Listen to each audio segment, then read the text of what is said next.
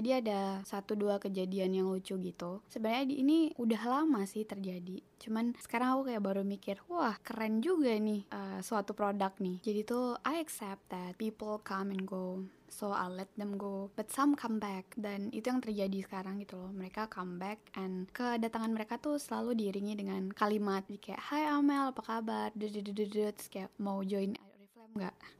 Terus habis itu aku mikir, wow, jadi Oriflame tuh bukan cuman multi level marketing aja sekarang. Ternyata tuh dia juga salah satu alat buat increasing our engagement to our old friends yang udah lama kita nggak ngobrol. Iya gak sih?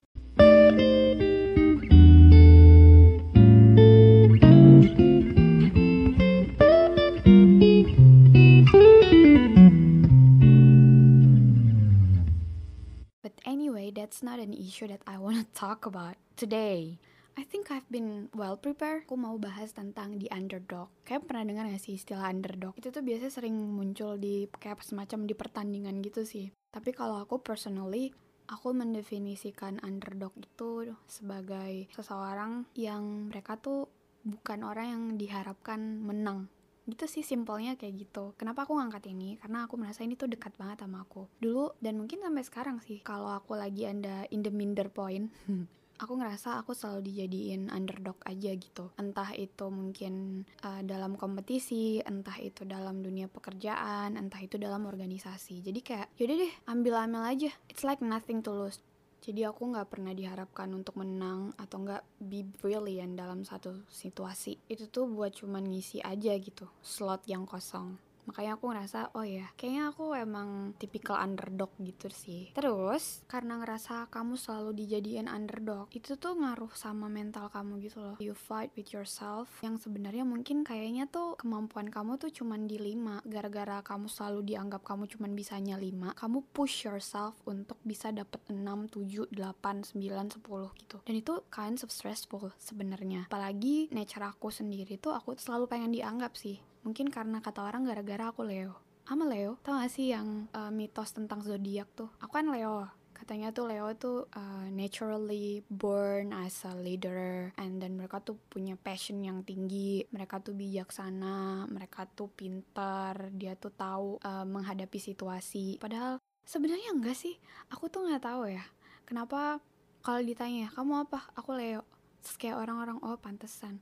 Terus aku kayak mempertanyakan gitu dong kayak kenapa? Emang kok kamu bilangnya pantesan? Emang apa sih yang kamu lihat dari Leo di dalam diri aku aku tuh nggak merasa mempunyai karakter Leo yang dominan gitu loh. Aku bahkan nggak pernah jadi pemimpin. Aku nggak bijak banget kok. Aku very egoistical. Meskipun ini di luarnya aku mencoba untuk uh, covering up everyone. Aku nggak enakan tapi sebenarnya aku aslinya egois. Uh, aku suka encounter everything karena aku mau aku dianggap ada. Kayak gitu-gitu loh. Kayaknya I'm not naturally born as a leader karena it's just one of the effort that I do to make me accepted kayak gitu eh enggak enggak. Ya udah kita nggak bahas zodiak kita ngebahas tentang underdog. Maaf maaf nih lari-lari. Maklum nggak punya teks. Terlalu sering dijadikan underdog yang mempengaruhi alam bawah sadar aku gitu loh. Karena aku udah sadar nih oh iya aku cuman underdog. Meskipun aku tahu aku bisa melakukan lebih aku tuh kayak males-malesan gitu loh. Kayak lebih sering mempertimbangkan dan itu bikin aku kelihatan bimbang. Kalau ada apa-apa tuh pasti orang-orang yang sering banget berada di sekitar aku dia tuh tahu kebiasaan aku apa. Kayak nggak jadi deh. Karena tuh pasti kalau aku bilang eh aku tuh pengen ngomong sesuatu atau enggak aku pengen ngoreksi sesuatu itu yang mulut aku pengen lakuin.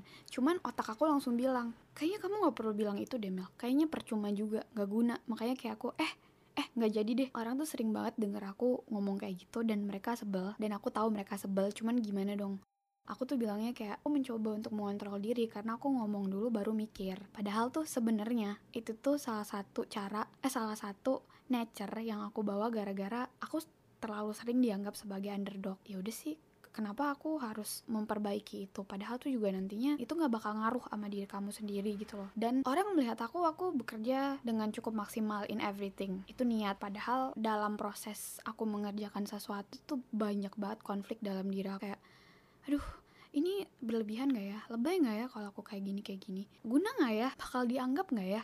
Itu tuh bener-bener sering banget terjadi. Mulai dari aku kuliah eh bahkan sejak aku SMA jadi kayak here I am aku tumbuh sebagai orang minderan. Orang melihat aku berdiri tuh I'm a very confidence karena aku mencoba untuk menutupi itu. Dan itu tuh bikin aku kayak ngerasa oh my god I should do something. Tapi pokoknya kayak konflik gitu loh. Mel kamu tuh harus melakukan uh, hal yang maksimal lagi. Tapi ada sisi di mana aku mikir kayak ya lah Mel kamu ngelakuin apa pun juga nanti ya tetap aja kamu di situ. Kamu tuh underdog.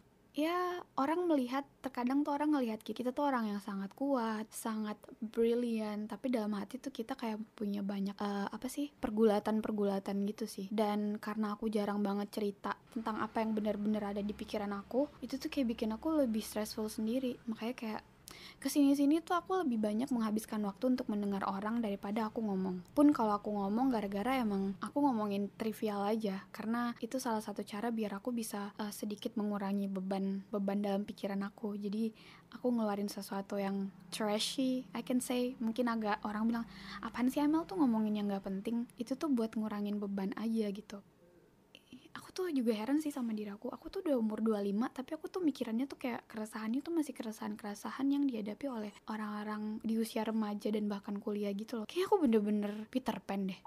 Ya pokoknya gitu. Jadi tuh intinya aku tumbuh sebagai orang yang selalu uh, dijadikan underdog. Itu tuh bikin aku sedikit menderita. Intinya itu sih. Tapi di sisi lain, kamu tuh menjadi orang yang sangat menghargai orang yang memberi kamu penghargaan yang lebih dari orang lain aku seneng banget dapat apa sih afeksi. Karena aku ngerasa nggak banyak yang memberi aku afeksi. Seperti dipeluk di apa tuh dipuk-puk ya. Yang kayak belakang kamu yang punggung kamu ditepuk-tepuk gitu. Aku suka banget. Aku nyaman banget digituin. Dipeluk ditepuk-tepuk gitu di apa di dilihat dilihat kalau lagi ngomong. Dan kamu tau gak sih yang kayak mata orang yang bener-bener melihat kamu tuh sebagai orang yang kayak ah aku mau dengerin dia. Itu tuh beda gitu. Makanya aku seneng banget kalau kayak gitu. That's why aku nyaman banget berhadapan sama anak kecil. Jadi kayak mungkin mereka nggak kenal aku banget ya. Jadi kayak ketika aku ngajar they really look at me in the eyes. Yang itu bikin aku kayak seneng banget. Ah seneng banget pokoknya. Gitu sih.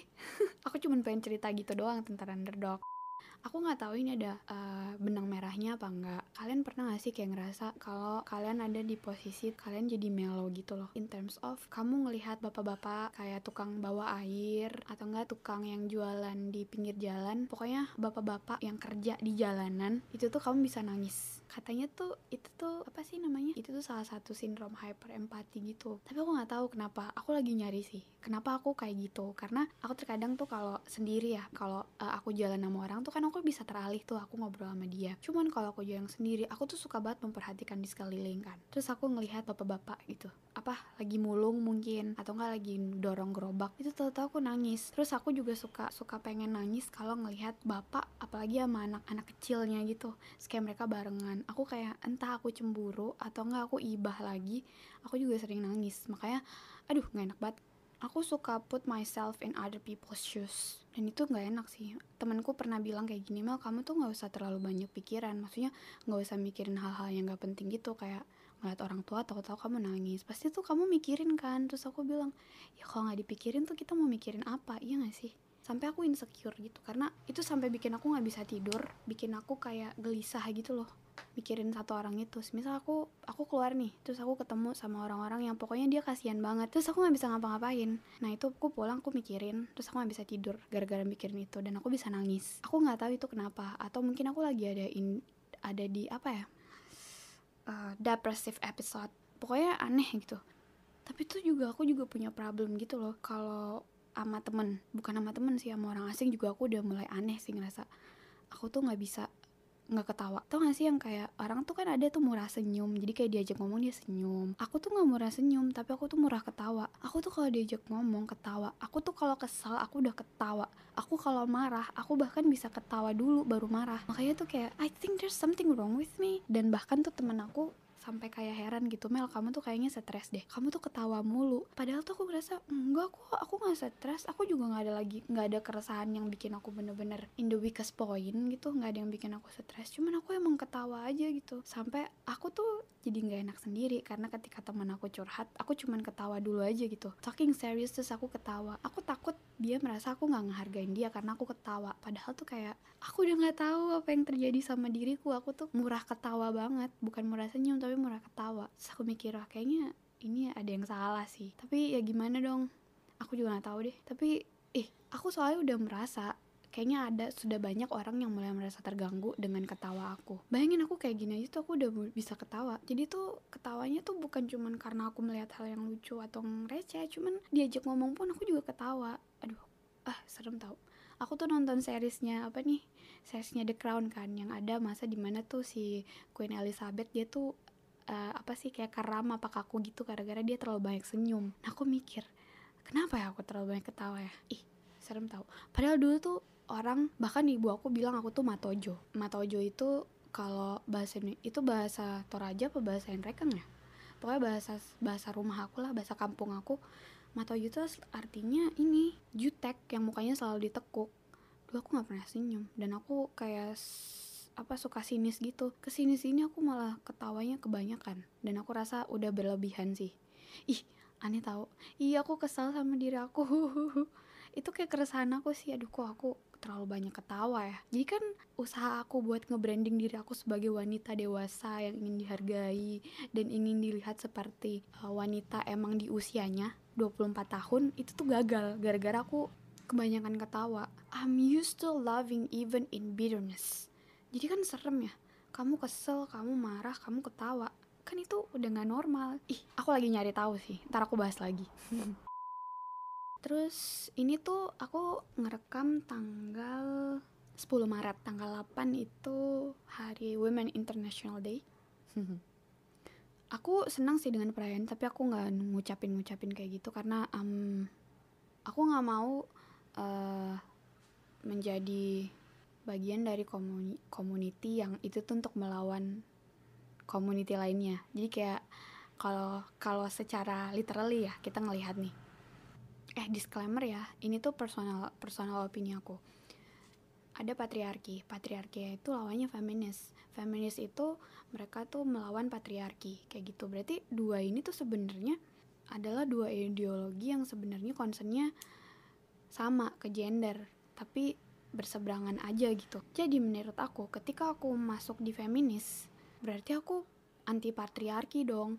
Padahal deep inside my heart aku tuh di dalam pikiran aku tuh meskipun aku terlihat uh, apa ya sangat liberal tapi tuh aku masih ada prinsip-prinsip yang konvensional yang itu tuh patriarki banget dan aku yakini itu loh. Kayaknya I'm not a feminist jadi orang tuh suka ngelihat aku ya karena mungkin aku bergaulnya sama feminis. Dan aku emang dan aku nggak suka ngelihat perempuan tuh diperlakukan tidak adil gitu loh. Pokoknya bukan perempuan doang sih cowok juga aku nggak suka diperlakukan tidak adil. Meskipun jarang ya. Jadi kayak mereka ngelihat aku tuh femini feminis. Aku aja nggak tahu tokoh feminis yang pelopor feminis itu siapa aku nggak tahu sejarah. Jadi kayak ah aku nggak pernah belajar feminis sih makanya belum feminis. Meskipun semua temenku kayaknya deh mereka tuh pada feminis feminis dan aku sering mendapat asupan gizi tentang feminisme dengan mereka yang di mana aku terkadang setuju terkadang enggak. Jadi kayak hmm kayaknya aku tidak bisa dan aku tidak berani buat bilang kalau aku tuh feminis. Karena terkadang aku juga lebih suka seksis ya daripada feminis. Jadi kalau ada yang mikir aku tuh feminis I'm not a feminist anyway. Tenang aja terus apa lagi ya? Oh iya aku kemarin ngobrol gitu sama temen aku. Kalian pernah gak sih dengar stoicism? Stoikisme. Pokoknya kayak gitu deh. Nah aku tuh lagi tertarik banget tuh sama ajaran itu. Terus kemarin aku ngobrol sama temen aku. Jadi kayak eh tau gak aku tuh lagi concern tahu sama satu ajaran. Uh, Kan ada kayak minimalism, nihilism Dan ada nih satu stoikism Stoicism atau stoikism ya? Stoikisme deh bahasanya. Ya pokoknya aku ceritain deh ke dia. Dia soalnya juga oh dia pernah dengar tapi dia nggak familiar. Terus aku cerita sama dia. Jadi tuh stoikisme itu tuh kayak uh, kita mencoba untuk uh, dia tuh concernnya ke etika. Karena uh, ajaran ini tuh ngeyaki, uh, meyakini kalau dalam menjalani hidup ini tuh kita punya dua hal. Satu yang bisa kita kontrol dan satunya lagi itu adalah hal yang nggak bisa kita kontrol. Nah, terkadang kita sebagai manusia kita tuh terlalu sibuk untuk memikirkan cara bagaimana kita menaklukkan hal yang nggak bisa atau di luar kontrol kita. Makanya kita stres. Jadi kita ini dulu ya, kita kelompokin dulu nih. Hal yang bisa kita kontrol itu, itu kayak pendapat, pilihan, kemauan kita, atau tuh segala sesuatu yang kita lakuin sendiri gitu. Terus yang nggak bisa kita kontrol itu biasanya apa ya kayak yang udah dari Tuhan gitu loh bentuk tubuh rezeki terus status kita di masyarakat kamu agamanya apa uh, kamu rasnya apa itu tuh yang kamu tuh nggak bisa kontrol. Dan sesuatu yang nggak bisa kamu lakukan sendiri kayak gitu. Nah ajaran stoik ini dia tuh menekankan bahwa ya daripada kamu pusing bahwa ya udah kamu kamu tuh jangan mikirin hal di luar kontrol kamu tapi kamu pikirin aja hal-hal yang di yang bisa kamu kontrol aja gitu pun kalau kamu mendapatkan sesuatu hal yang tidak menyenangkan dari hal yang di luar kontrol itu, ya udah kamu terima aja karena kamu nggak bisa kontrol itu. Nanti lama kelamaan ya kamu akan deal with it kayak gitu. Nah terus prinsipnya itu kayak kamu ngelakuin hal-hal gitu loh. Jadi kayak kamu melihat kesialan, kamu latihan buat apa sih mempelajari kesialan gitu loh. Jadi kayak jadi kayak ya udah kalau kamu lagi ada masalah nih, coba deh kamu terima aja gitu. Misal kamu nggak punya duit, terus kamu nggak bisa beli makan nih. Kamu nggak bisa beli makan enak gitu. Jadi duitmu pas-pasan kamu cuma punya 100 ribu. Yang itu tuh harus cukup dalam seminggu. Ya kamu masih bisa tetap makan. Oh ya aku bisa beli beras. Aku bisa makan meskipun cuma dengan nasi doang. Aku nggak bisa makan di mall.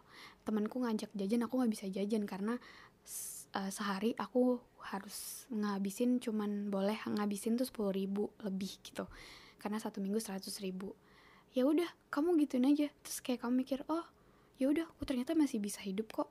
Ternyata aku juga nggak nggak nggak bakal sekarat karena aku masih punya uang seratus ribu dan aku masih punya per hari tuh aku masih punya uang sepuluh ribu. Kayak gitu gitu dia tuh kayak bilang kamu harus mem memandang kesialan itu sebagai hal yang bisa kamu hadapin.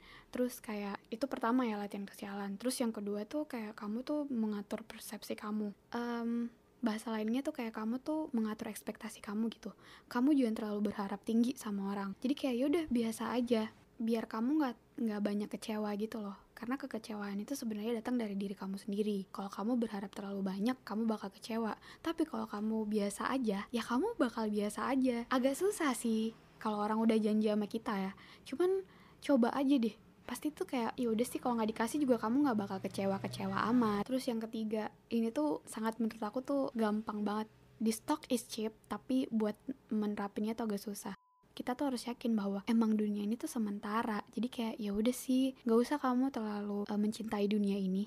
Makanya kalau kamu menghadapi kehilangan atau ada keluarga kamu meninggal ya kamu sedih seperlunya aja. Setelah itu kamu harus tetap hidup karena ya emang kita tahu nggak semuanya bakal abadi itu pasti akan ada akan ada yang meninggal termasuk kamu pun juga kayak gitu. Jadi kamu nggak bakal egois. Jadi ya udah kita tuh mengharapkan bukan cuman yang baik aja tapi yang buruk juga kayak gitu Terus aku udah ngejelasin kan panjang lebar sama temen aku dan aku bilang aku juga lagi nerapin tahu kayak gitu. Aku mencoba untuk belajar menghadapi kehilangan sih. Aku lagi menyiapkan skenario, ah memikirkan skenario kalau semisal aku ditinggalkan orang tua aku. Aku membayangkan gitu gimana. Ini tuh jadi stoik itu mengajarkan kita selain optimis kita juga perlu pesimis. Jadi kayak balance aja. Aku ngejelasin kan ke temen aku kayak gitu. Terus kata temen aku kayak gini, eh enggak ding sebelumnya aku nanya kayak gini, eh kalau kayak gitu, eh enggak ding aku tuh sebenarnya nanya kayak gini tau nggak kalau kalau aku menerapkan hidup kayak gitu aku kayak nggak punya agama apa gimana ya? Maksudnya kayak ya nggak sih kayak nggak punya agama banget kamu punya aliran baru aliran stoikisme padahal tuh kamu punya agama yang dia tuh bisa ngatur kamu. Terus kata temen aku ya mungkin itu salah satu cara kamu untuk menyederhanakan konsep agama dan ajaran agama yang mungkin sangat terdengar complicated ya. Tapi setelah dipikir-pikir stoikisme itu sebenarnya udah di cover up sama agama yang aku anut. Jadi kita pokoknya ngomong kayak gitu. Terus kayak dia bilang iya tau Mel itu tuh sama aja dengan konsep ikhlas. Cuman kamu melihatnya mungkin kamu tidak memahami itu atau nggak mau tidak mau menerima. Makanya kamu mencari cara lain dan kamu menemukan itu di ajaran stoikisme. Terus kayak boom. Iya juga ya. Jadi tuh stoikisme tuh sebenarnya intinya tuh ikhlas maksudnya agama aku itu tuh mengajarkan aku. Konsep ikhlas itu tuh emang sama mas stoikisme. Ngapain aku nyari-nyari ya? Kayak gitu terus oh my god. Karena aku kan orangnya bego ya. Jadi kayak kalau kayak gitu tuh kayak merasa seneng aja gitu menemukan teori baru. Cuman aku bilang sih kayaknya kayak eh tapi kalau ngomong aku lagi uh, mendalami ilmu ikhlas nih. Itu tuh kayak religius banget ya. Aduh gimana banget ya ah aku tetap aja lah bilang stoikisme tapi dalam hati aku mengimaninya aku tuh ikhlas gitu. Jadi pelajarannya itu ya ya sebenarnya kalau kita mau mau memahami dan mendalaminya kayaknya kita bakal menemukan apa yang kita cari sih. Cuman kayak aku males aja ya kalau udah agama tuh kayak berat gitu. Kayak tuh aku ngerasa aduh aku tuh bekal imannya tuh nggak banyak. Aku agak-agak malu ya ngomong kayak eh aku lagi menerapkan konsep ikhlas nih. Aku bilangnya ya udahlah aku bilang aja aku lagi menerapkan konsep stoikisme gitu. Itu sih intinya. Eh tapi seru tau aku kemarin baca buku apa gitu seru tau belajar stoikisme. Coba deh kalian yang mungkin tidak punya agama ya dan tidak percaya dengan agama kalian boleh deh baca itu. Itu tuh kayak bener-bener uh, melatih kita untuk kayak ikhlas. Ikhlas iya konsep ikhlas tuh sebenarnya sama gitu. Tapi aku bersyukur sih. Uh, kayaknya udah deh topiknya tuh agak hanya tiga ya seingatku. Seingatku nih. Uh, gitu doang. Terus kayak terima kasih kalian yang sen sering banget buka meskipun cuman terjebak kepencet gitu. Terima kasih banget kalian sudah mau mendengarkan. Ya gitu deh sampai ketemu di podcast selanjutnya